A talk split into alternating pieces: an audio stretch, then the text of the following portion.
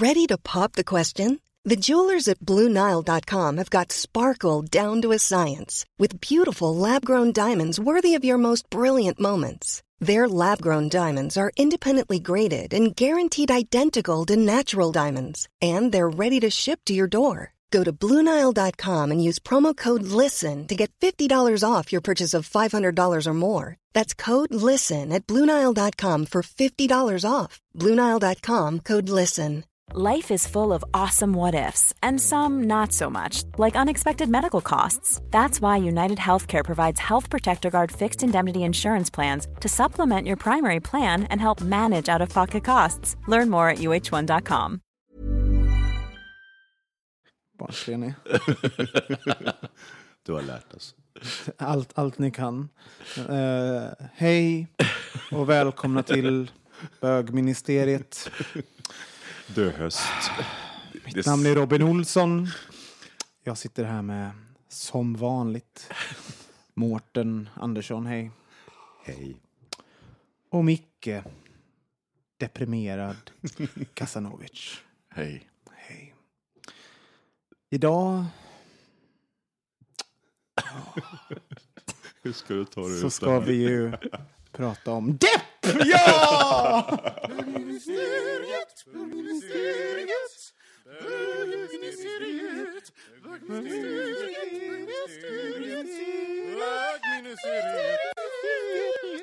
Det var länge sedan jag var med, så det känns väldigt kul att vara här.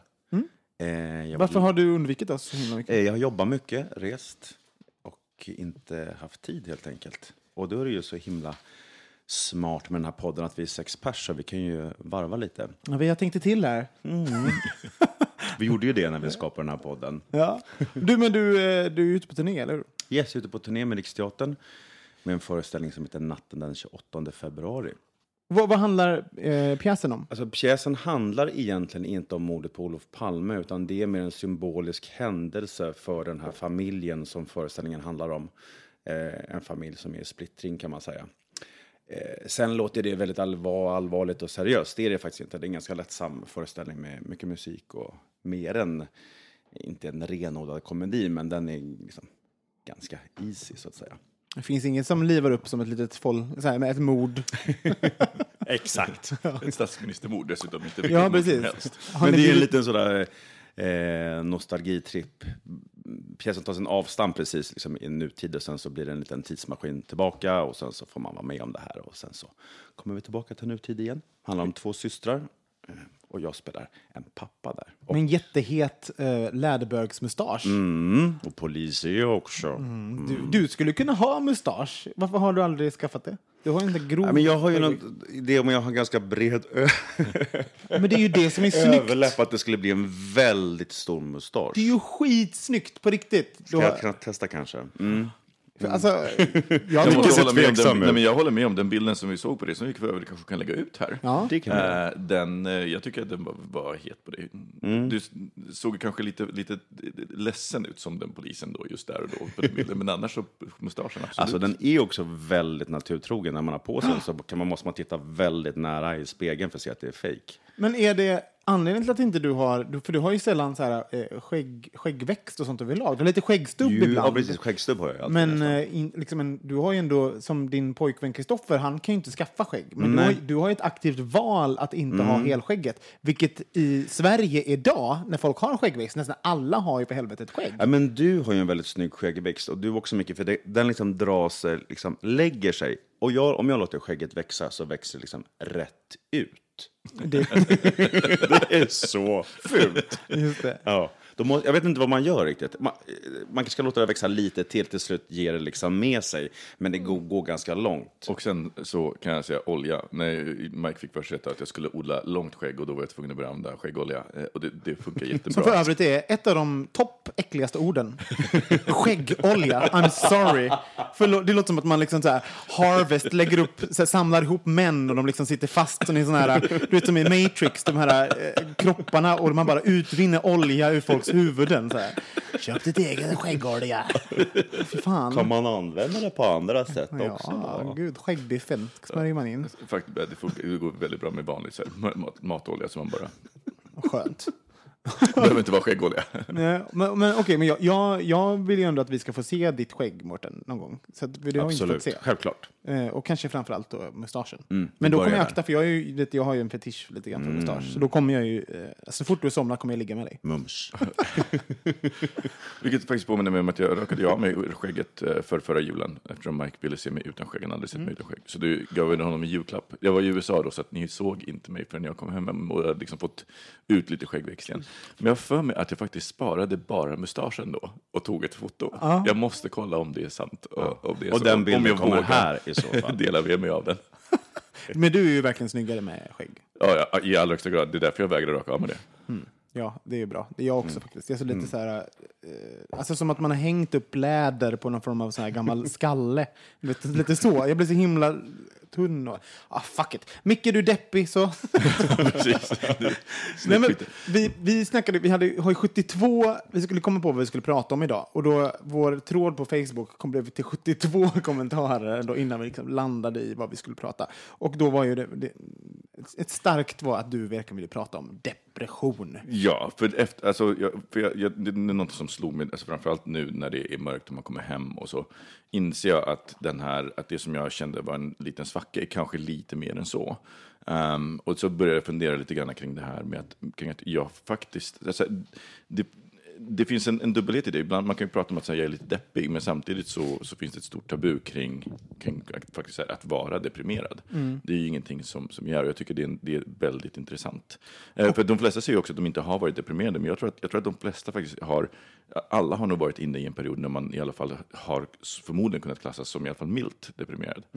Ehm, och jag, så jag, inte, jag har ju aldrig varit inne i den här djupa, djupa, djupa depressionen. Jag skulle nog inte, men däremot så har jag definitivt varit inne i, i det som, som definitivt skulle kallas en medelsvår depression. Men vad, vad, vad har varit skillnaden då när du har känt att nu är jag mer inne i en depression än att jag bara är liksom lite låg? För den känslan, Eller ledsen, för Ja. det är en, en annan sak också. Man kan inte Precis. förväxla att vara ledsen med att vara deppig. Det tycker jag är två olika saker. Men det är så här, ledsen, ledsenhet har ju oftast en klar orsak.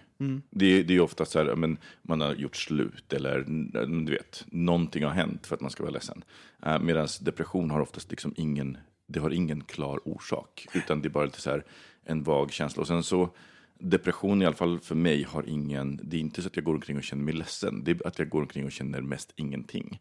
Att liksom, det är snarare en likgiltighet och framförallt en brist på glädje. Att det inte är så här, någon, om någon säger, men gud, ska vi inte dra och åka till San Francisco? Man säger, "Ah, jo, kan vi, här, kan vi väl? Det. Det, det, det blir mer så här, det blir mer det svaret, inte så här, men shit vad roligt, ja, och så liksom planering, utan det är mer så här, kan vi väl? ja, men det, för det är ju verkligen den mest obehagliga känslan, just den här likgiltigheten som du pratar om. För att, att man inte har kontakt med någonting, om man ändå är arg eller känner sig provocerad eller någonting, för det kan ju ändå skapa någon typ av energi, glädje givetvis, men just likgiltighet. Ja, men det, och, det, och det är det jag tänker, för vi pratar, vi pratar ju oftast om, och jag tror att ett problem är att vi pratar om, om depression som, som sjukdom, alltså vi pratar om mentala sjukdomar, men och, och det, det, bara där så finns det ett fel, för att det är, inte, det är inte en binär skala, det är inte att du är frisk eller du är sjuk som man har med, med förkylning eller med någonting annat, med ett brutet ben, antingen så har du det eller så har du inte. Eh, men, men just med psykiska sjukdomar så, så jag älskar termen normalstörd, för det är vad man är för att i, i normala fall. Så de flesta är normalstörda och ligger inom spannet för, för normalen. Men alla har störningar någonstans. Så när man klassificerar till exempel depression så är det ju inte, det är inte bara så att du, att du bara säger ja, du är deprimerad, nej, du är deprimerad, utan det är en glidande skala. Eh, man har en massa olika kriterier då och du kan uppfylla många kriterier utan att egentligen vara deprimerad, eller så kan du uppfylla ganska få men ändå hamna i en mild depression. Och det är det jag menar, att, att, att, att egentligen så, så är vi alla normalstörda och sen så ibland så hamnar man utanför normalstörningen. Och då blir det lättare för mig också att acceptera att ja, men jag ligger utanför normalstörningen under en period. Hur blir du när du är deprimerad? Då? Eh, alltså, först och främst, jag, det under en mild depression så är det inte helt avsaknad av den här. Jag kan, jag kan fortfarande bli arg eller så här, glad, fläckvis glad, men det är väldigt, det är väldigt ytligt och vara en kort tid och sen så blir jag ganska utmattad efter det och så bara känner jag att jag vill bara vara för mig själv. Uh, vill inte riktigt umgås med folk.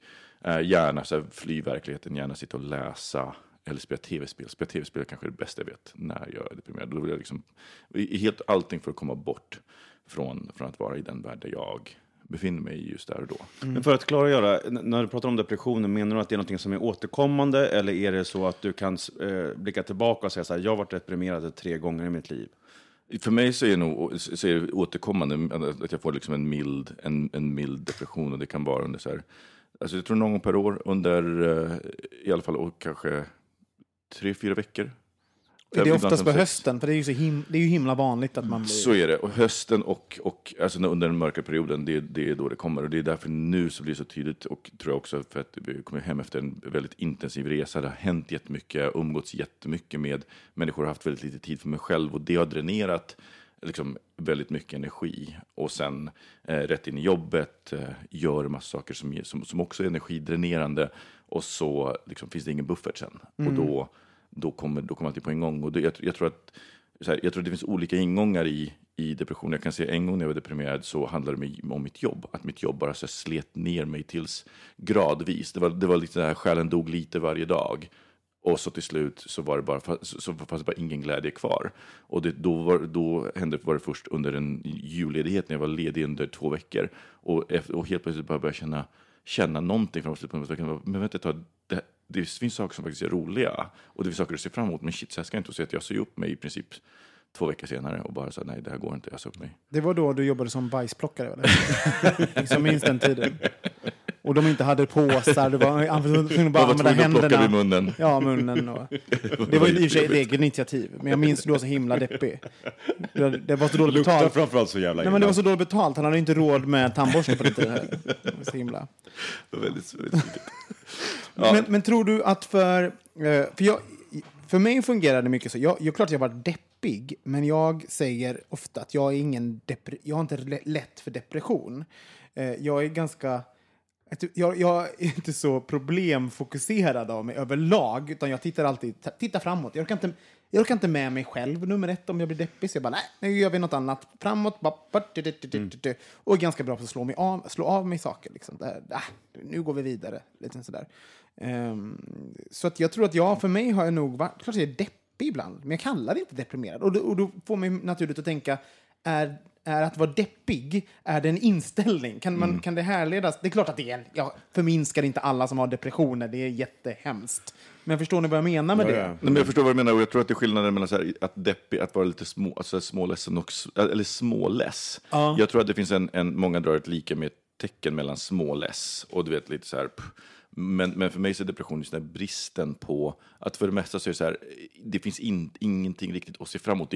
Och, och jag, för, jag känner, för där kan jag verkligen känna att om den skulle, skulle den förstoras, om man skulle liksom ta den och ta den från en mild grad till, alltså den, det, det vakuumet är, är, är vidrigt. Och också så här, i relation till andra. För jag, menar, jag, jag har nog egentligen aldrig pratat med folk om att jag har varit, eller när jag verkligen är deprimerad, då undviker jag folk. Men, och det är också för att jag vill inte, jag orkar inte med folks reaktioner på, på det. Att antingen så känner jag att jag, är, att, att jag bara är så ankare på, på, på det hela, eller så känner jag att, att folk så ska, försöka, ska försöka vara extra glättiga och glada. Det orkar jag inte heller med. Så, att då, känner, så då, drar jag mig, då drar jag mig hellre undan. Men, men, men, jag, men, jag, men jag tror att just det här, just den här bristen på att bara säga nej, det, det, vi ska, vi ska göra det här igen. Ja, men det ska väl bli roligt, men jag hade lika gärna, jag hade lika gärna kunnat låta bli. När man känner den. Jag tycker när man pratar om depressioner så tänker jag, jag, var, jag tänkte lite inne på samma spår som dig Robin, för jag, jag är ju såklart också låg emellanåt, men jag har inte heller kallat det för depression, för jag tänker när det är en depression är det ändå någon typ av kemisk rubbning, gissar jag utan att kasta mig ut i några slags medicinska eh, djupvatten. Men eh, jag, jag upplever när du pratar om det här att det inte är riktigt det, utan, eller? Jo, men jag, jag, jag tror absolut att, det, att, det i botten, att det i botten eller skulle- ligger, ligger en, en, en kemisk rubbning i, allra högsta grad. För när vi är ju hormonellt styrda, allting som vi gör handlar, handlar om hormoner. Så att jag tror säkert att, att, att jag under den perioden har man skulle säkert kunna ta ett prov och liksom mäta det, men, men jag har inte, ännu inte hamnat så pass djupt att jag, jag vet med mig att när jag hamnar där, att, jag är någon, att det finns en slags ett, en betraktad, det, det, det, det teoretiska, logiska jaget sitter och betraktar och bara säger ja, ja, nu är det så här och det vi känner igen, jag vet att det har varit så förut, jag vet hur jag ska hantera det, eh, så att nu, jag, nu, nu låter jag det bara vara. Ehm, och kanske också slappnar av i det, vilket gör att, att, att det blir lättare att hantera också. För att det, det är just det här, att jag, menar, så här, jag gör inte saker som jag vet att jag borde, typ gå och träna. Och det är så här, jag vet att det hjälper, men det är så här, ah, men det är bara, åh, orkar, alltså, orkar inte. Så jag har varit deprimerad i fyra år. är det därför jag inte varit tränad? Tack. Det, det som slår mig är ju eh, det här som... Det, vem fan är det som säger det till mig? Men det, alltså, ibland kan jag vara lite lat av mig. Jag- Och då pratar jag inte om att typ, fysiskt göra saker, men att, typ, att faktiskt eh, följa med på den där bion. Gå, ta den där ölen, eh, gå på festen. Ja, vet, Och, och, plock, och jag har inte social fobi, men jag kan tycka det är lite jobbigt att eh, typ hänga med nya folk och sånt. Det vet jag, har jag pratat om förut. Men det är ju alltid roligare att göra än att inte göra. Och det tror jag är extra... vik- Alltså, så- det är så sant när man är deprimerad. Och jag vet att det finns klinisk depression, så, jag pratar inte om det för när det, när det är liksom de här tyngre sakerna. Men, eh, och det är där jag tror att om jag är i, i ditt läge sådär, eh, och då kan jag bli, komma in i någon problemlösar-mode, då tror jag snarare att jag, är- när jag är lite deppig, då har jag nog ännu mer såhär, äh, nu går jag på den här jävla festen. Alltså det blir snarare tvärtom. Jag tvingar mig själv att göra grejer och sånt. Eh, Alltså, och, och jag, och, för mig så funkar, så funkar det, när, men när jag kommit förbi en viss gräns så, så, hjälp, så, så går inte det heller. Då, då, alltså, då är det snarare så att jag till och med in, inte heller vill gå på, på socialt tillstånd med nära vänner. Att, för att jag tycker att bara det är, det är för tungt. Alltså den, den, den, den spärren att, att ta sig över. För att jag vet att även om det kommer vara, vara, vara roligt, och framförallt med vänner, så vet jag att det kommer vara roligt. Men med nya människor, det finns, liksom, det finns, inte, ens, det finns inte en tillstymmelse till att uppbåda den energin och, och vara så här lite glättigt glad. Nej. Som, som man måste vara, för det är ingen som kommer fram och pratar med en och man bara Hej. Så himla... Och också så här, när man är De det... bara låter som Ior liksom. Ja, och när man är i det läget, då, är, då blir alla människor är ju dumma i huvudet. Då, I en säkert, Man bara, gud, alla är dumma i Ja, huvudet. men, det, är väl- men det är väl så här, en annan sak som jag också märker med. Jag, jag, jag blir märkbart mer lättirriterad och liksom har svårare att göra välvilliga tolkningar om folk. Utan då blir de flesta bara men jävla idioter och så att världen är korkad. Tappar du sexlust? Ja. Ja, alltså, och det är också en, så här, ett, ett, en typisk, ett typiskt tecken som jag märker. Det, det är så här, då, då försvinner sexlusten helt och hållet. Och det är som är intressant, så här, jag kan gå, gå på stan, jag kan, se en, jag kan se en snygg kille och så bara, kollar jag på honom och så bara, men vad ska jag göra med honom? Och så bara, pff. Nej, men du vet. Du har liksom glömt hur det går till. Vad ska jag göra med honom? Jag har ingen aning. Jag har helt glömt. Så himla förvirrande. Så många del. Vilken är det jag ska stoppa i stjärten? Du har liksom råkat fista dig själv av misstag för att du är deprimerad. Så här, depressionsfist. Så många läkare på hösten får ta emot fall på så här SÖS för att det är dumma bögar som har glömt av vilken del på jag kroppen som är älskar också penis. den frågan Robin, liksom, för man har ju aldrig hört att liksom, depression och ökad sexlust har liksom... Jo, för det här, vet du vad? Det finns ju även när man är deprimerad, och det har jag gjort i, i perioder, när man blir destruktiv.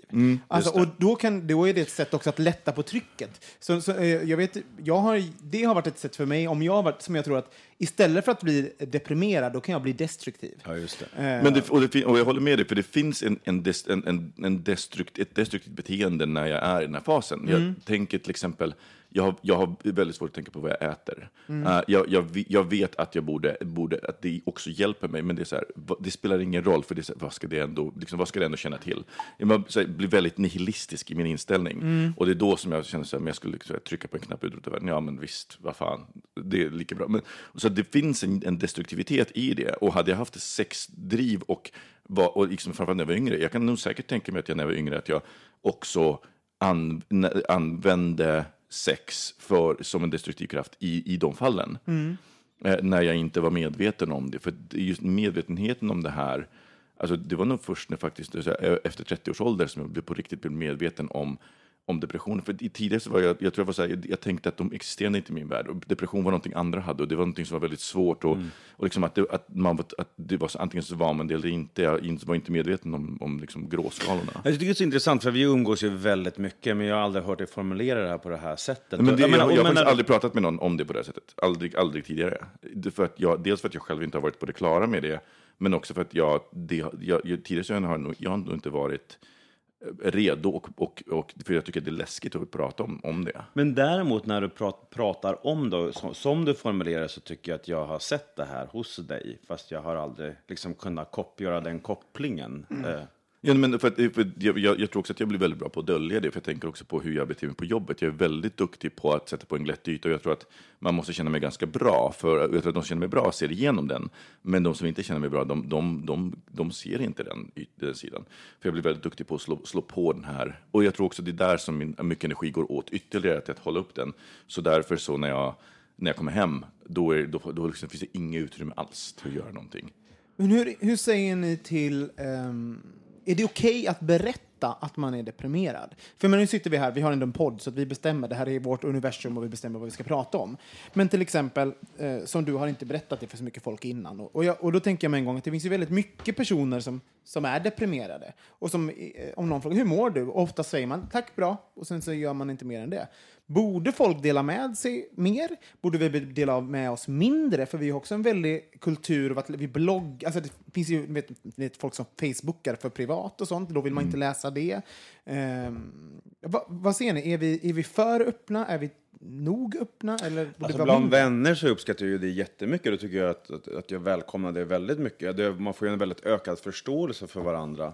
Och eh, ens fantasier slipper, slipper fara iväg och tänka varför drar den här personen ifrån? Eller drar iväg eller inte vill umgås eller inte hör av sig eller vad det kan tänkas vara. Så ja, absolut. Eh, Mer, tycker du, att man ska få... Ja, i alla fall, jag, är, man är, jag är intresserad av mina vänner. Det är klart att jag vill veta hur, hur de mår. Sen, Jag är ju inte det. jag vill ju inte veta Nej, det jag vill ju alls. helst inte veta Kan något. inte bara gå härifrån nu hette. Får jag fortsätta med det här avsnittet själv? Nej, men, sen, men sen när det gäller... Eh, ibland har man varit med att man träffar någon bekant och så frågar man hur är det? Och så är det sådär, har du 20 minuter? Och sen så kommer det liksom en rapa. Och då kan jag känna ibland att jag inte är speciellt intresserad. Att den där hur är det egentligen bara en, liksom en vardagsfras som man, som man slänger sig med. Mm. Ja, men du, jag, jag tänker så här att kanske, hur, är det? Uh, är det bäst, ska man hantera så här? Hur mår du? Någon frågar mig, hur mår du? Ja, tack, alltså, det är sådär, jag är lite höstdeppig just nu, men det är, det är ingen fara. Liksom. Jag, men jag orkar inte prata så jävla mycket. Alltså, typ, ta tjuren vid hornen, för det är också så här, eh, som du säger Micke, om du befinner dig på en fest och du är inte ditt vanliga glada jag och springer runt och, och kramas och säger hej, då kanske det är bäst att ta tjuren vid hornen och bara säga nej, det är inte jättekul idag, men eh, fuck it, jag kan inte prata om det, kör. Ja, ja, men jag, jag tror det. Jag, jag är helt inne på Mårtens linje, för jag, jag inser ju att, att, att när beteendet märks så blir det också så här, men varför är det så här? Här Och att man kan få fantasier om att det, rör, det handlar om, om, om en själv och inte liksom om, om mig. Det är så. Mm. Ehm, men, men också, jag tror också att alltså det, det som har hjälpt mig att faktiskt inse att jag har återkommande perioder när jag faktiskt är, lider av en mild depression, är att jag har, att jag har läst vad andra har pratat om det. För att tidigare så drog jag lika med tecken mellan, men deprimerad, då är man ju liksom, ja, men du vet, deprimerad och självmordsbenägen. Det, det är snudd på det. Och, och att, och att liksom just det här att det, kanske, att det måste finnas ett element av ledsenhet, men det gör det inte, utan det är just när avsaknaden, och, ja, det finns en jätte en jättebra tecknad serie som, som förklarar depression. Och jag kommer ihåg när jag läste den, så var, alltså det var som en... Det var Kalle Anka.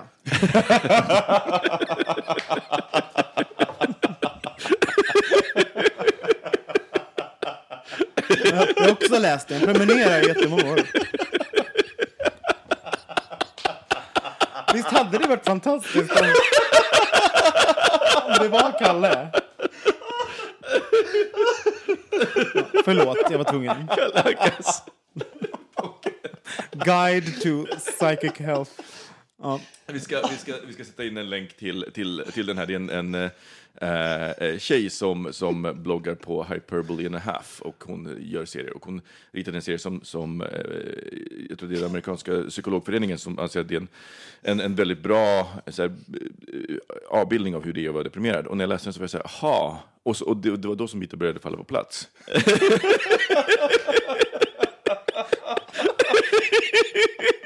Jag älskar Mårten Kastruda. Eh, Vältajmat. Vi lägger in en länk så tar vi en liten paus så får Mårten ta tag.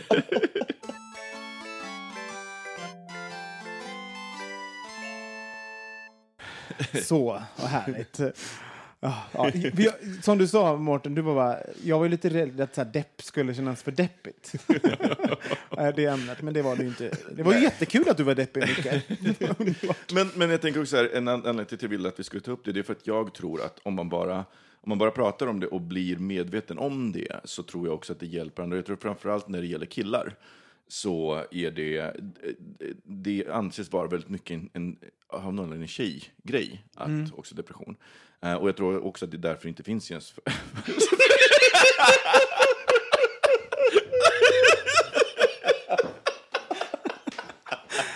Gud. Jag har aldrig sett två så röda män i hela mitt liv. Oh. Men Micke, det känns som du ljuger. Du ser inte så deppig ut nu.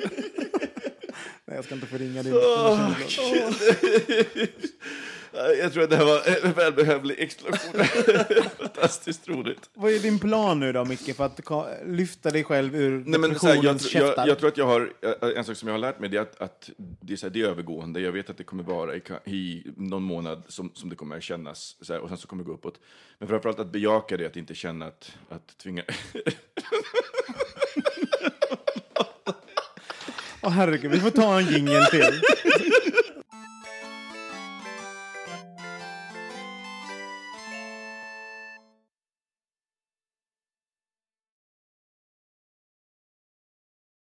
Så, då har vi botat Mickes depression. Vad skönt. Så, eh, men, men hörru, jag undrar så här. Idag, idag är QX, den, vi spelar in det här i mitt i veckan, så stod det att ehm, då, har de, då har någon jävla tidning eh, eh, radat upp de tio gayvänligaste städerna. Och eh, Köpenhamn var i topp, och det var Reykjavik var med, och det var allt hejsan tjosan liksom. Och Stockholm, och ingen i Sverige var med, ingen stad i Sverige var med. Och då tänker jag så här, är, är, vi har ju varit i topp när det gäller typ allt. När det kommer till så här gayvänlighet, bästa gaylandet det var. Men helt plötsligt så eh, är vi inte med i en topplista. Varför är det så? Alltså, jag läste inte det där, men, men stod det vad man, vad man mätte? Ja, men det, det är ju alltid när de där så är det väl så här... Det är ju Lonely Planet som är en, eh, skriver guideböcker. De har ju, eller de har folk som skriver guideböcker om länder. Vi använde en Lonely Planet-guide nu när vi var i Japan. Som också är så här, fläckvis jättebra och fläckvis eh, ganska kass. Ja. Ehm, så att jag, jag tror också att det beror på vilka personer de har frågat. Liksom vilka på, Lo- för Lonely, som skriver för Lonely Planet som gör det och så. Jag Köpenhamn var väl, eh, eller i Danmark var det väl en av de första länderna när man fick gifta sig. gör, men, ja, men det gör mig så förvånad att Köpenhamn står på listan. För att, alltså, förutom en gaybar Mm. så har ju Köpenhamn inget gayliv på, på kvällarna whatsoever. Eller ett par gaybarer. Men det finns liksom ing, du kan ju inte gå ut och, och så här, dansa. De har ingen klubb. Men vi är inte, okej, men om vi säger så här, vi, vi har ju inte världens mest eh, händelserika gayliv heller. Och vi har ändå anses ha, vad är det här jävla indexet när det kommer till mänskliga rättigheter och sånt, då är vi ju väldigt högt upp. Så här. Men vi är inte med på just det här. Och då, då drar jag ju med en gång eh, liksom referensen till att vi har jättestarka högervindar som blåser i Sverige. Helt plötsligt har vi fått ett inte rasistiskt och homofobt parti i eh, riksdagen. Det fick vi, ja, liksom. Ehm, och de är jättestarka. Ehm, ja, har det någonting med det? Jag vet att de, de var inne förra året också. Ja, men för jag tänker, att- men jag tänker att det, det. Danmark har ju haft Dansk Folkeparti som, inte, som är en förlaga till Sverigedemokraterna på många sätt. Och, de har ju, Och ännu större. och ännu större och var, har varit där sedan 90-talet. Fast det finns förväntningar på Sverige. Det är det menar. Sverige Mm. är så här, Sverige har alltid varit landet man pratar om när det är så här, dit, där har folk det bra. Det finns ett socialt nätverk. Eh, ja, men allt det här, i sjukvård och, och det. Och sen helt plötsligt så, finns, så händer det saker här där det... Men när, om vi pratar specifikt om Stockholm kan det handla om, om att Stockholm är så, är så alltså gaylivet är så integrerat i den, den straighta kulturen så att, att vi liksom märks inte. Man skulle kunna, för sig kunna mäta det som något väldigt positivt om man vill. Men om man vill hitta de här specifika gayområdena eller det som utgör gör någon slags kärna i den staden. Men du säger ju Köpenhamn mycket samtidigt, så jag får inte ihop alltså, den de- logiken heller Nej, jag, jag, jag kan inte tycka att det finns något, det finns inget gayområde i Köpenhamn på samma sätt. De är ju liberala på, på vissa fronter, eh, mer liberala än vad vi är här. Men eh, om man då gör den kopplingen, att så här, eh, för jag tänker, de har ju Christiania till exempel. Eh, och jag vågar påstå att liksom, deras inställning till droger som ändå är en del, en, en, en, en, del som, som berör gaykulturen rätt mycket. Och att det skulle liksom tas hänsyn till. Den, typen av liberalism, det vill säga gör lite mer så här att, att man är fri och göra som man vill. Då är ju Danmark, då ligger ju Danmark bättre till än vad Sverige gör. Um, och det, och det står här att det är, de lyfts fram som gayvänligt, modemedvetet och fyllt av queer-evenemang. Queer Eh, och dessutom som, eh, att, ja, för det här med registrerat partnerskap först i världen och sånt där. Men då undrar jag så här, ska vi säga att Lonely Planet helt enkelt har fel? Ja, jag, jag, skulle, jag lutar åt att de inte har helt rätt i alla fall. Och jag tänker att det här är som fallet just när vi var där och ena gången när vi följde deras tips i Japan så fick vi en fantastisk grej. Andra gången när vi följde dem så fick vi, alltså det var så att vi undrade om den som hade skrivit det faktiskt hade gått på några konstiga droger när de skrev det, för det, var, i- i- det stämde inte överens med verkligheten någonstans. Men när du fick det här fel tipset, blev du deprimerad då?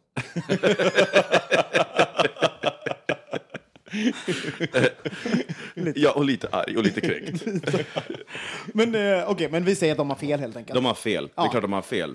Men då undrar jag ju så här, eh, för eh, Japan, eh, som du, var- för du skulle ju, jag gav ju dig en uppgift att du skulle krama en japan innan du åkte till Japan. Alltså den var så jobbig, framförallt när jag blev påmind om att göra det. För att när, jag, jag tror inte jag förstod innan, när du sa det, hur jobbigt det skulle vara. Sen när jag hade då träffat och, och sett hur japaner interagerar med folk, Alltså, de, de behövde ju aldrig ber, det, var ingen som berättade för mig, ut- men, men i, i, jag kunde bara läsa av situationen att det var nog det hemskaste jag kunde göra mot en människa där.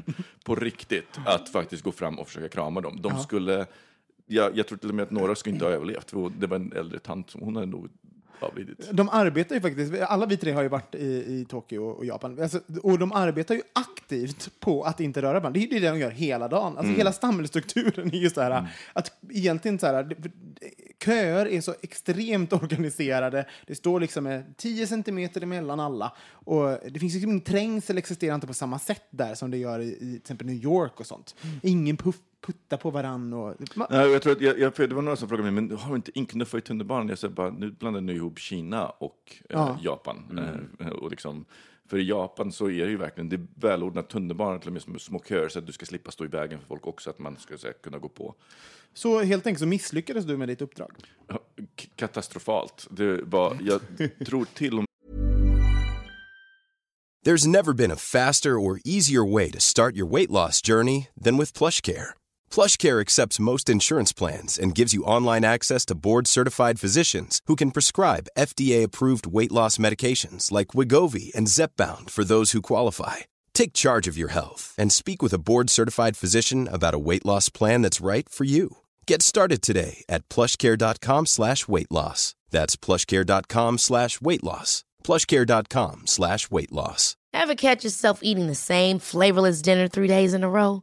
Dreaming of something better? Well, HelloFresh is your guilt-free dream come true, baby. It's me, Gigi Palmer.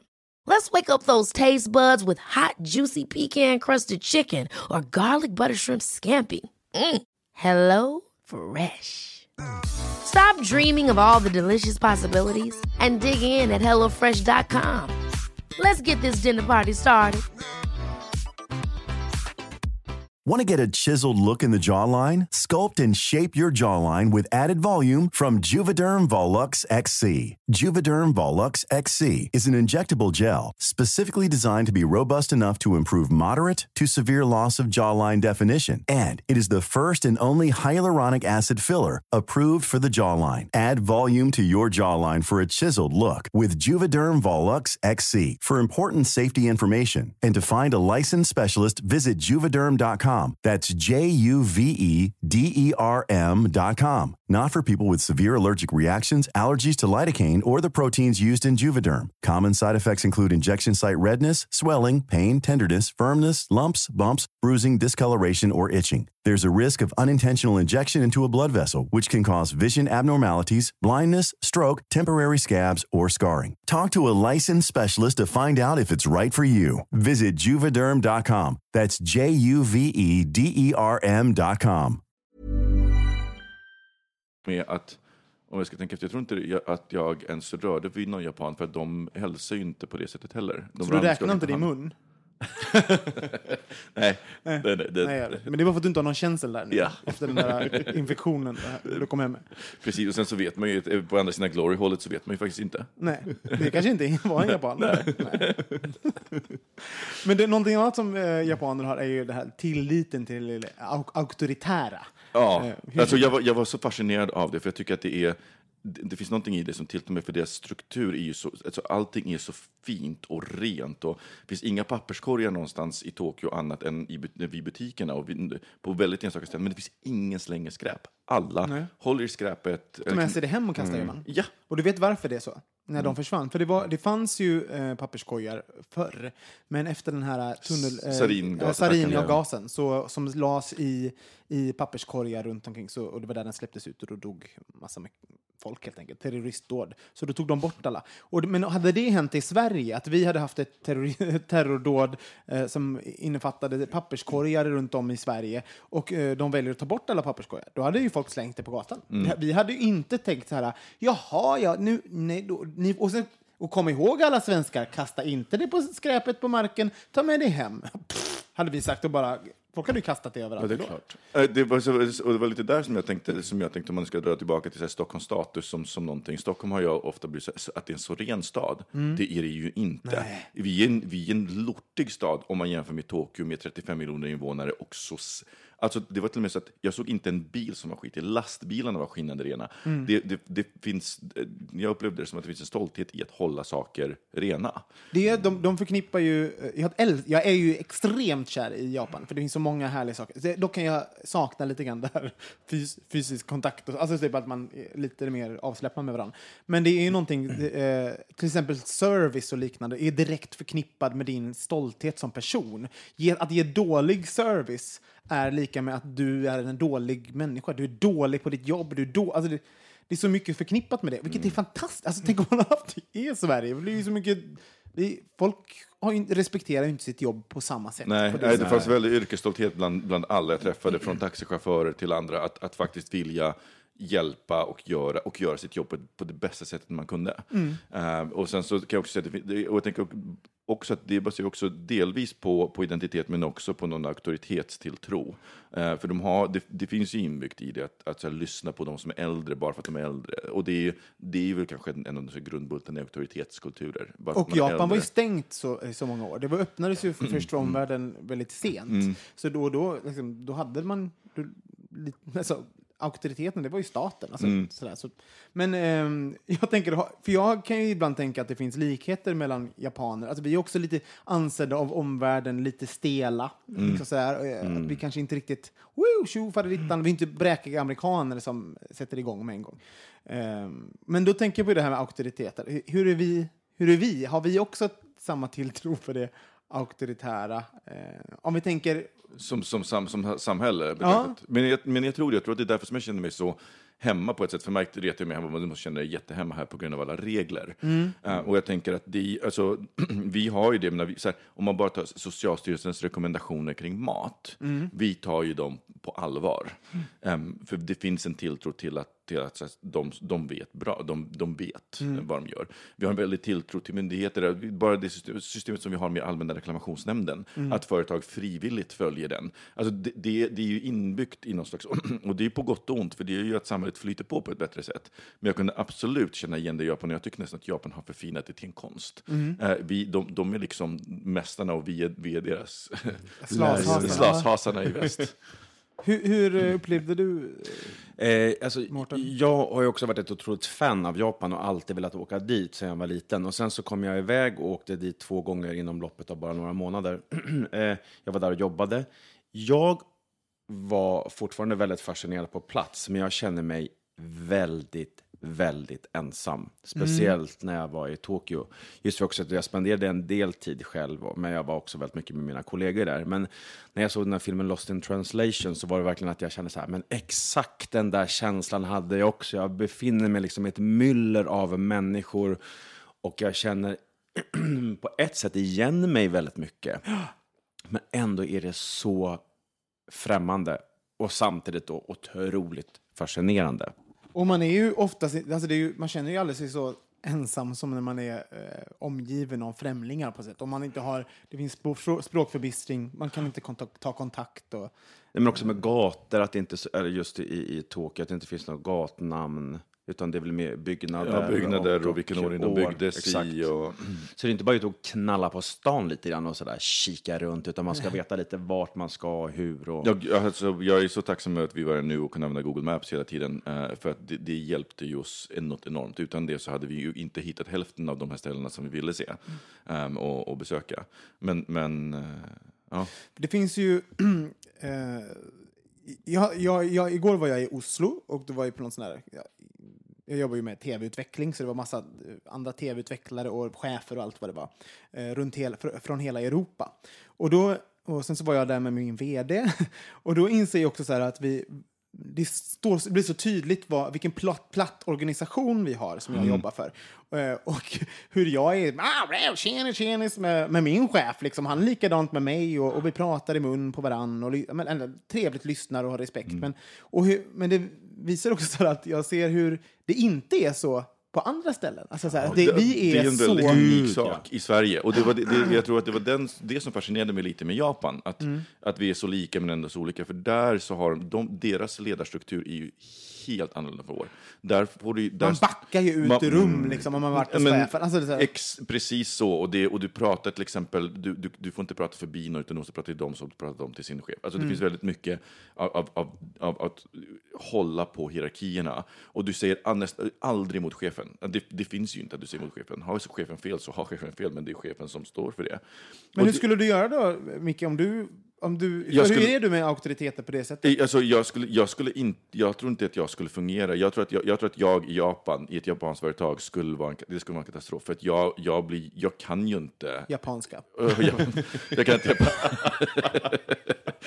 Förutom den biten att jag Den inte kan japanska. grejen.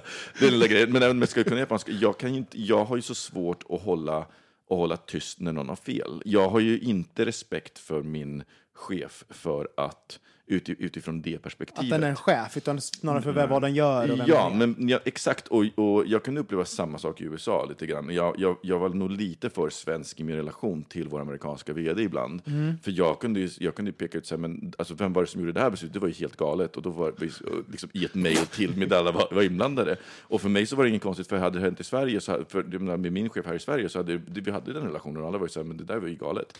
Men där så var det liksom, alla blev lite så här, och sen så avskrivs det för att jag var svensk liksom, till, till det. Men, men jag så så jag tänker att, att det, den svenska platta strukturen, jag älskar ju den. För, det- för vi blir ju mycket mer en meritokrati än... Men jag tänker, blir det, är det, vad tycker du Mårten, är det här någonting, en fördel, som, alltså svenskens relation till det platt, den platta organisationen? För det är ju även i socialt så ha, är vi ju, Absolut, absolut. Jag tyckte bara att jag märkte det också när jag jobbade i Australien också, även om jag inte var i- i någon slags avancerad verksamhet. Men där var det också jättemycket så här, chefen är chefen och du är på golvet och du ska jobba, du ska leverera. Det var liksom inget, inget typ av tänk, hur tycker du att det fungerar, hur kan vi underlätta på det här på något sätt så att det här kommer flyta på finare eller så. Nej. Eh, och jag har ju också svårt för den typen av auktoriteter, så det där, det där triggar ju igång någonting mig som jag liksom... Mm, Och jag blir då? Vad- är det det triggar igång? Nej, men du vet, jag blir liksom... I just i den kontexten visar att här är mitt eh, handlingsutrymme otroligt begränsat. Det spelar nog ingen roll vad jag kommer säga. Så då blir det ju mer att jag liksom blir mer mussla. Liksom. Mm. Skulle jag varit hemma, jag var liksom på mammas gata, så skulle jag liksom ta fighten och och bara ifrågasätta och prata. Eh, jag har haft tur med mina chefer eh, när det gäller jobb faktiskt generellt sett. Hmm, ja, lite blandat. Men, men, eh, men det är ju ändå ganska platt. Jag har alltid känt att jag kan gå och prata och säga att det här fungerar inte. Förutom en chef som jag hade, om vi pratar just om chefer, som, som faktiskt hade psykopatiska drag, vilket ju inte är helt ovanligt med folk som är i chefspositioner. I, i, i, eh, och då känner jag så här, här är det liksom ett annat spel. Här får jag liksom hala mig omkring och jag kan inte ta fighten för den kommer jag aldrig vinna. Jag kommer få en fiende för livet. Jag måste Mm. bara vara så supersmidig. Men, men jag, jag, jag, tänker mig en gång, för att det finns ju många olika, nu pratar vi mycket om chefer, det finns ju andra auktoriteter också. Men jag tänker att vi har ju lärt oss eh, det här med platta organisationer sedan barnsben. Det är så, för också tittar man på skolan hur det fungerar, man får prata eh, Tycker du någonting så får du säga det till fröken. Ja. Liksom. Medan i många länder så får, man helt enkelt inte det, får, får det konsekvenser. Eh, och jag tänker, gör vi oss själva en otjänst som att vi lär oss att allt du säger ska alltid lyssnas på och, och du ska alltid vara, det du känner och tycker ska stå i fokus och alla ska tycka. Förstår ni? För, för, eh, i andra, jag, jag, kan tänka mig att såklart, Japan är väldigt extremt liksom. För då, då, det finns ju frustration, man tittar på, de har ju, de har ju problem att skaffa barn och all, allt sånt där för det, det blir ja, det finns, jag kan gå in på det mycket, men, men det finns ju många, det här eh, auktoritära samhället har påver påverkats ner till barnaskaffande. Liksom. Eh, och då tänker jag, gör vi oss en otjänst som svenskar?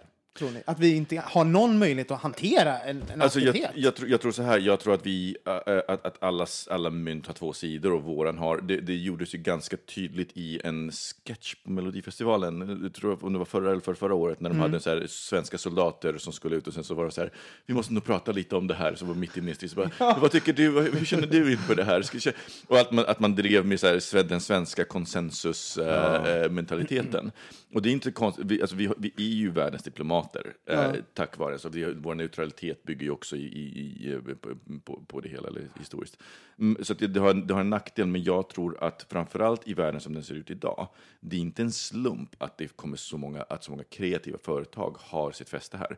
Tittar vi till exempel på startups, alltså i, i, i- i techbranschen, Alltså det är oproportionerligt. Vad är startup, som man inte vet vad det är? för, små företag som startas upp med, enkla medel och som, i det här fallet så rör de oftast i techvärlden. Spotify var en svensk startup till exempel, Mm. nu är det gigantiskt.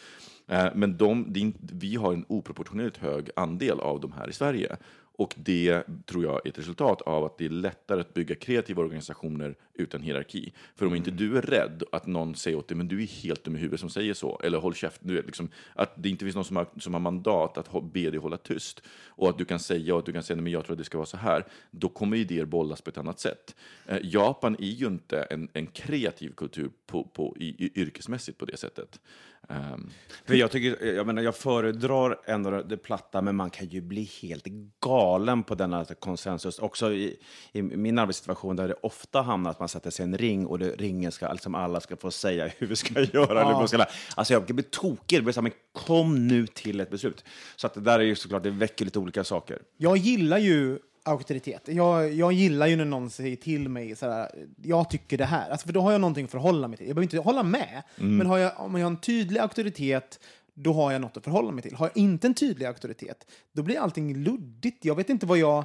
jag om inte någon säger till mig, jag gillar majs, och jag aldrig har sett majs förut, då, har inte jag, då vet jag bara att majs finns. Då kan jag ju inte liksom, utifrån vad den har sagt inte ens skapa min relation till majs. Då måste jag liksom helt... Men jag, Förstår ni vad jag Jag menar? tycker inte det är en förstår- motsägning, för jag, jag gillar också tydligt, om vi pratar om just ledarskap, så gillar jag det också väldigt tydligt ledarskap, för jag måste veta vad jag studsar emot. Men jag vill också att det ska finnas en öppenhet och ett intresse för att höra vad jag har för reflektioner kring den vägen vi ska gå.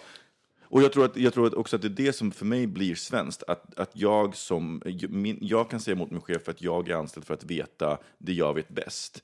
Eh, I Sverige så, så kan du mycket, så, så är det mer accepterat att en chef, att chef är faktiskt en grej. Det är inte bara så att du blir chef för att du råkar vara den, den bästa diskblockaren på stället och då blir du chef över diskblockarna. Liksom, att bara för att du är bra på ett jobb så blir du en bra chef, för det blir du ju inte. Det är ju snarare, ska jag säga, tvärtom. Eh, och jag är ju anställd för, för att göra det jag gör bra. Om min chef skulle komma och säga åt mig, säga, nej, men du ska göra på det här sättet. Då är jag så här, men varför har du mig, mig egentligen för då, om du vet? Eh, så att, så att jag, jag, Men hur många, hur många är ni som jobbar som fluffers? På ditt företag? eh, det är faktiskt bara min, min sak. Ingen annan får göra vakter positionen svartsjukt. Jag vet, jag har faktiskt legat med din chef och han är inte alls bra på det. Du är mycket bättre, mycket, faktiskt mycket bättre. Men det finns auktoriteter även som inte är jobbet. Till exempel vän, vä- vänner eh, finns ju mer eller mindre auktoritära och som även använder, det finns härskarmetoder i vänskap och så vidare. Hur, hur ser ni till auktoritära personer på, en, på ett privat plan? Alltså jag kan gilla folk som är väldigt tydliga. Mm. Eh, eh. Sorry alltså. Nej, men, nej men det gillar jag väldigt mycket. Och jag tror att det handlar om för att jag är så väldigt mycket diplomat å ena sidan och andra sidan. Och jag kan liksom gå runt tre varv liksom innan jag kan komma till skott. Och då tycker jag att det så.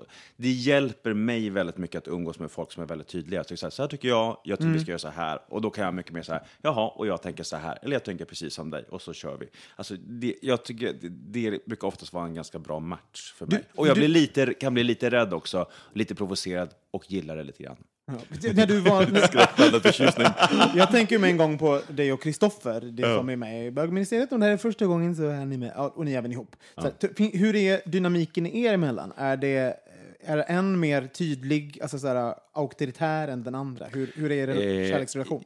Det är, Kristoffer är mycket med en doer över, överlag. Liksom. Om vi tänker så här, ska vi åka på semester om vi pratar om något ganska vardagligt? Så, så, här, så här, ja, det tycker jag, jag tycker vi ska åka dit. Och då är jag så här, men du, man kan åka dit och sen kan man göra det och sen kan vi fråga dem eller vi kan också åka själva. Alltså du vet, jag kan bara måla upp ett scenario så det kan ta en evighet och de där billiga flygbiljetterna har liksom gått för två veckor sedan. Okej, så det, du, ni behöver varandra helt enkelt. För då kanske också så här, eh, du öppnar upp dörrar som Kristoffer hade bokat den här resan på Suts medan ni egentligen borde ha spånat lite grann om det. För det kanske finns någon annan trevlig flygbiljett där ute som också Ja, men, men absolut, det är klart att det finns ju både för och nackdelar med att, att fördröja saker och ting och vara liksom eftertänksam och reflektera och tänka två varv och så här. Men det är inte alltid skitroligt. Nej. Det är ju ofta, tycker jag, men det är ju också för att jag är så mycket på den sidan så kan jag också idealisera det där andra med folk som vågar kasta sig ut och bara säga ja och bara göra det och köra på och bara nu kör vi. Medan jag säger mm, men låt mig tänka ett varv. Men hur är, det, hur är det med dig Ulf, Robin? Ehm, Ulf är ju också en, en doer, liksom. Ja. Men jag är ju också en doer på många sätt. Det beror på vad man pratar om. Eh, och ibland kan det vara... ehm, jag tror vi har olika processer. Vi har pratat mycket om att eh, Ulf är projektledare i grunden. Och det går in i vår relation också. Och ibland kan jag säga, kan du plocka ut ur tvättmaskinen? Absolut. Och sen så gör jag inte det på studs. Då har han plockat ut tvättmaskinen, även om min intention var att 30 sekunder senare plocka ut tvättmaskinen. Men då har han redan gjort det. Eh, och då har han liksom tagit mitt initiativ på ett sätt. Alltså då har inte jag, får jag aldrig chansen att vara den där doern för att han har redan hunnit göra det. Mm. Så att liksom, egentligen är vi, i grunden är vi två doers, men där någon kanske är, lite men, mer Men, doer. men nu drar vi ju lika tecken mellan doer och auktoritär. Och det i- ser inte jag nödvändigtvis att det är. Det är sant. Eh, att så här, man, kan vara, man kan vara en doer, men man kan också... För, att jag, för om, jag, om jag tänker i vår relation, jag skulle nog säga att Mike är mer auktoritär än vad jag är. Eh, men jag är mer en doer än vad Mike är. Eh, betydligt mer. Så att, och jag är också så här, om, om jag skulle liksom reflektera över din och Kristoffers relation, jag är ju mer den som tar jättesnabba beslut och liksom snarare blir frustrerad medan han drar ut på det. Men han kan ju också vara mer, mer auktoritär. I alla fall min upplevelse är att han kan vara mer auktoritär. Gud, vad Jo, men så kan det också vara. Det kan jag uppleva att jag kan ju använda, alltså att inte vara en doer, om nu pratar ju så här, vad doer tar snabba beslut, så kan man ju också, då har man alltid det där i rockarmen så här, du, är det så klokt att vi gör det här? Alltså, som också kan uppfattas som att man liksom blir lite mera, ja men lite den förnuftiga och lite mer så, vilket inte alltid nödvändigtvis behöver vara, men man kan liksom få den etiketten. Och, och är man någon som också är beredd att ta ganska snabba beslut så blir det ibland jättebra. Och sen händer det någon gång att det inte är så men himla smart. menar Och då står den här andra personen som jag får representera sådär, Men det blir ju väldigt lätt också att man får, alltså om man, för det är så, så är det ju även med vänner, men att, att man får en roll och man spelar den väl, alltså även i relationer, för att någon, någon tar ett visst antal, någon tar någon annan. Så då, det delas upp helt automatiskt vad man gör och inte gör. Och även då kanske vem som tar initiativ till olika saker eller eh, är på ett visst sätt på en fest. Alltså men jag kanske är den som hörs och syns mest. Liksom. Jag, jag har ingen aning om jag är mer Men gud, auktoritär men, än bara för nu när du säger det, för så, jag kommer att tänka på vår Japanresa, då, det var jag och Mike och så var det två, ett par som jag, som jag känner, men det är hans väns och hans väns fru som har flyttat till Shanghai och vi träffades i Japan då för att, dels för att kunna umgås men för att göra den resan tillsammans. Och jag inser ju nu att jag, alltså del, dels för att jag hjälpte till att- planera resan, det var jag och Mike som påbörjade planeringen, men sen tog min projektledare, inne projektledare över, för jag var ju så här, vi måste ha allting klart, vi måste veta allting. Så då var det jag som planerade tågresorna till exempel, för att ha dem klart. Och sen så var jag snabb på att fatta tunnelbanesystemet. Och jag, och, så det var ju aldrig uttalat, men jag var ju otroligt auktoritär i den rollen. Jag sa, Mm. nej men nu ska vi göra så här och så här och så här. Och, och, och sen om de ifrågasatte det, alltså jag, var ju flera gånger som jag fick bita mig i tungan och så, men vi är på semester, slappna av lite. Men jag var, men, men jag var så här, nej nu ska vi göra så här, nu måste vi vara där kvart i och så ska vi göra så här. Alltså, men oh, förlåt. Och, och vara så här reselighter med Men det är så bra att resa med dig, Micke. Jag hade bara glömt bort det för, för en sekund. Jag älskar att resa med dig, för du har ju kollat upp exakt hur man ska gå, hur vi ska åka, bästa transportmedlet. Alltså, det är fantastiskt. Det uppskattar jag så mycket. och, jag, och, jag, jag, jag, tar gärna rollen, för för mig så handlar det om, om att jag kan slappna av om jag vet att, liksom, det- och då blev jag lite auktoritär, men vad jag insåg var, när man började ifrågasätta min auktoritet, alltså jag har, oj, oj, oj, vilken kort stubin jag har där. Och framför allt, ifrågasätter du min auktoritet där och har fel, Alltså jag kommer plocka ner dig tio steg på den, där, på den pinnen. Och, alltså, det, alltså jag blir så barnslig.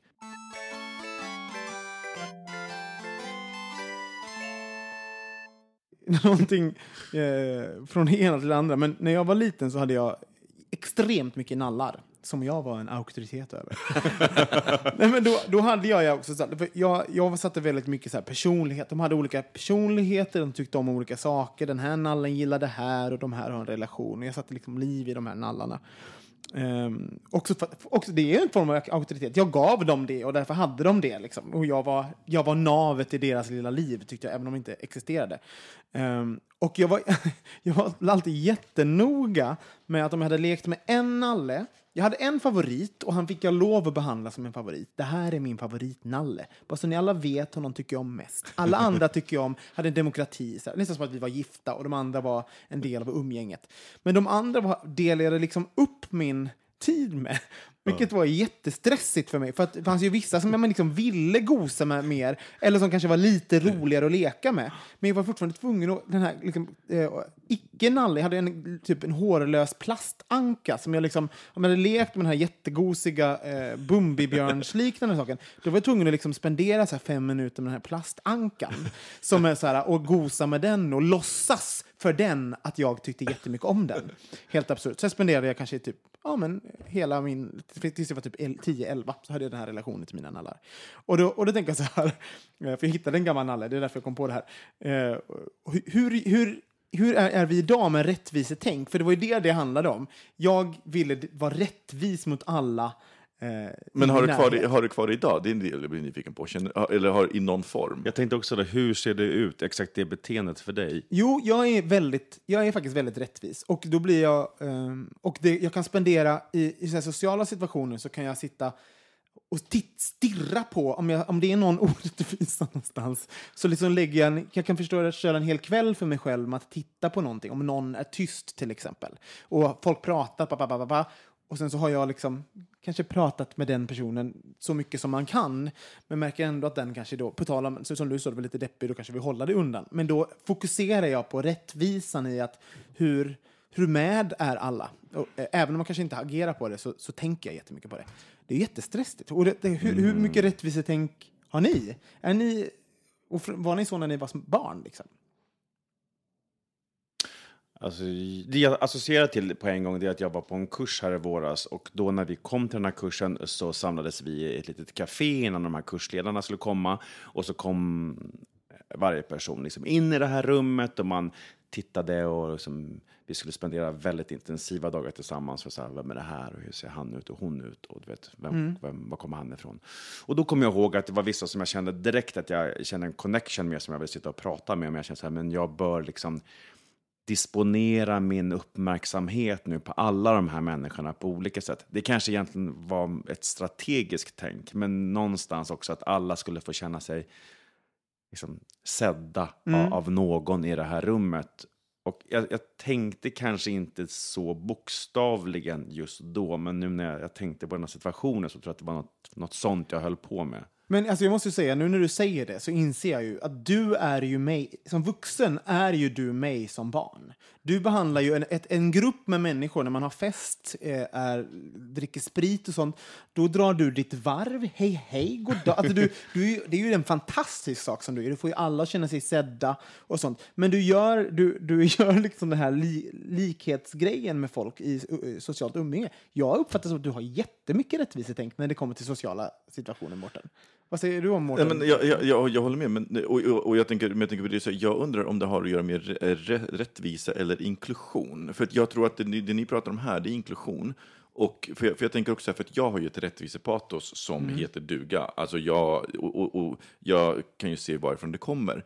Men jag är nog inte lika inkluderande som ni. Så Nej. där så känns det lite främmande för mig att jag känner att jag har rättvisepatos, men jag, jag kan till och med vara fine med att folk, alltså om folk väljer att exkludera sig själva, då är jag, då är jag helt fine med det. Och, och, så att jag är inte alls lika inkluderande som ni. Eh, och därför så undrar jag om man inte tänker så här, rättvisa och inklusion, att det, det är inte nödvändigtvis samma sak. Nej. Eh, Och jag kan också, jag kan också säga det, jag uppfattar både Mårten och dig som, som väldigt inkluderande individer. Um, och, uh, men, men, men jag skulle inte säga att men för den skull, och det finns en rättvisa i att vara inkluderande, men, men jag tänker för mig så är rättvisa mer så här att, att det ska vara millimeter, och, och det, finns no, det finns en rigid grej i rättvisa som jag, som jag förknippar med mig själv, som jag inte förknippar med er. Men det, det, det slog mig precis att också när du pratar om det här eh, skillnaden mellan att vara eh, inkluderande och, och rättvisa. Att när jag var barn och gjorde det här med mina nallar, då var det ju också, det var som att jag delade ut, jag hade liksom, jag hade inte så mycket att dela med mig av. Det enda jag hade att dela med mig av var av mig själv. Alltså förstår du? Då var det som den, den, den hetaste valutan jag kunde ge. Det var det finaste jag kunde ge nallarna var någonting av mig själv. Vad du får en liten stund med mig här, din, din liksom hårlösa lilla anka. Så här, som jag, och som inte ens lever. Och då tänker jag så här, gör jag så idag? Ja, jag fick precis samma association när jag började berätta om den här, det, här kaféet med de här kursdeltagarna. Att jag skulle prata, att man liksom förhöjer sig själv Ja, på något vis. Får du en liten minut med mig här också, förstår Fast du? fast, fast, fast jag tänker att i grupper så ser jag det som, framförallt i grupper som är nya, främlingsgrupper, så är det en fruktansvärt fin egenskap att vara inkluderande. För att det, alltså om man ska ta motsatsen, om man ska ta den andra ytterligheten att vara exkluderande, det, det, det är ju skitjobbigt att komma in som, här, lite senare i en grupp som redan format, sen så är det några som är exkluderande, som här, sitter kvar i sin lilla klump, tittar upp på det och tittar, och, och sen inte heller... Alltså den exklusionen är ju faktiskt alltså på, jag måste jag välja mellan ytterligheten att vara så extremt överinkluderande så väljer jag alltid överinkluderande. Därför att det andra är så jättejobbigt. Både bli utsatt för, men där kommer också min rättvisetanke in. Bara, eh, bara men hörni, nu... Nu, nu ska alla med. ja, alla, Men när triggas den här rättvisegrejen hos dig som mest? Alltså, jag, jag, så fort jag, någon, alltså, när någon blir orättvist behandlad, alltså när det inte blir... Eh, det är inte lika mycket nu på, på så här, fördelat lika, men när jag var barn så var det väldigt mycket så här, fördelat lika mellan mig och min bror. Det, alltså, jag var tvungen att dela allting lika och det fanns, jag kunde inte heller här, ta lite mer av något, utan det var så här, vi måste ha lika mycket. Utan så. Men idag så handlar det väldigt mycket om, så här, det är mycket social rättvisa, att läsa om folk som, ja men, eh, du vet, som nu, jag, lyssnade på ett avsnitt av This American Life och de pratar om indianer, i- indianstammar i USA som då får ha kasinon och där de kastar ut sina egna, för vart efter kasino ju får mindre pengar, så jagar de, så, så, så kör de disenfranchisement som gör att du inte längre är en del av vår stam för du har inte tillräckligt kunnat bevisa det. Den, sånt, alltså, sånt triggar en sån inneboende vrede i mig. Där jag, alltså det, det, är- jag, blir så passionerad kring, kring det. Eh, så att jag, den, den typen av rättvisa, jag tänker så här, när, Folk, när, när, folk, när folk roffar åt sig saker på bekostnad av andra, den. Fast jag tror vi gör det, jag tror alla gör det till en viss grad till exempel. Jag har ju berättat att det kan ta, när vi, när vi på något sätt introducerar en ny person i vår, vårt umgänge, så kan jag bli lite så här avig. Ska det komma nu? Och det är ju på något sätt för att jag, jag tycker att jag äger er. Men det är ju det, om man ska gå ner till botten. Så här, jag äger er, ni är mina vänner. Liksom, så här, jag har ki- första tjing. Och, och, sen så har, och sen så om ni då ägnar er åt någon annan lite för mycket, tycker jag, då, då är ju det här, då det blir ju, ja men då vill inte jag vara med dem helt enkelt. Eller så de, här, de här andra då. Och då börjar jag kanske lite hata och sen kommer jag ty, liksom, tycka om dem ändå. Men så att, eh, ja, jag säger inte att det här liknas på något sätt att, att utesluta indianer, men det bara slog mig att det... Nej, men förstår, jag, tror- jag tror vi har det här, eh, det finns en reaktion och motreaktion på det där på något sätt. Eh, ah, skit i det, jag vet inte varför vi ens en gång pratar om det, men, men det är intressant. Och, jag undrar om vi...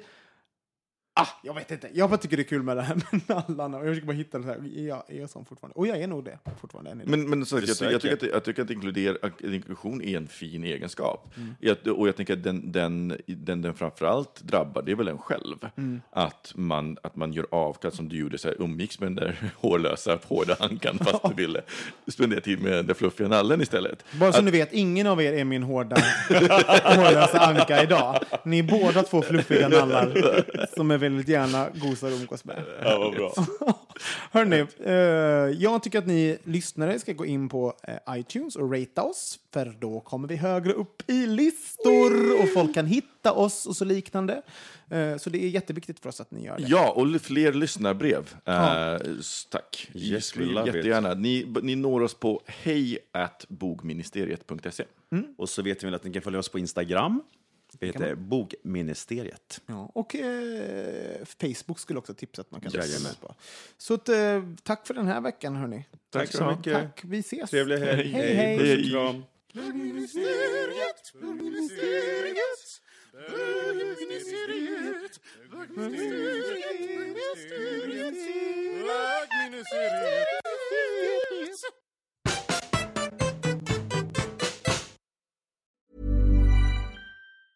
Ever catch yourself eating the same flavorless dinner three days in a row? Dreaming of something better? Well, HelloFresh is your guilt-free dream come true, baby. It's me, Kiki Palmer. Let's wake up those taste buds with hot, juicy pecan-crusted chicken or garlic butter shrimp scampi. Mm. Hello Fresh. Stop dreaming of all the delicious possibilities and dig in at HelloFresh.com. Let's get this dinner party started.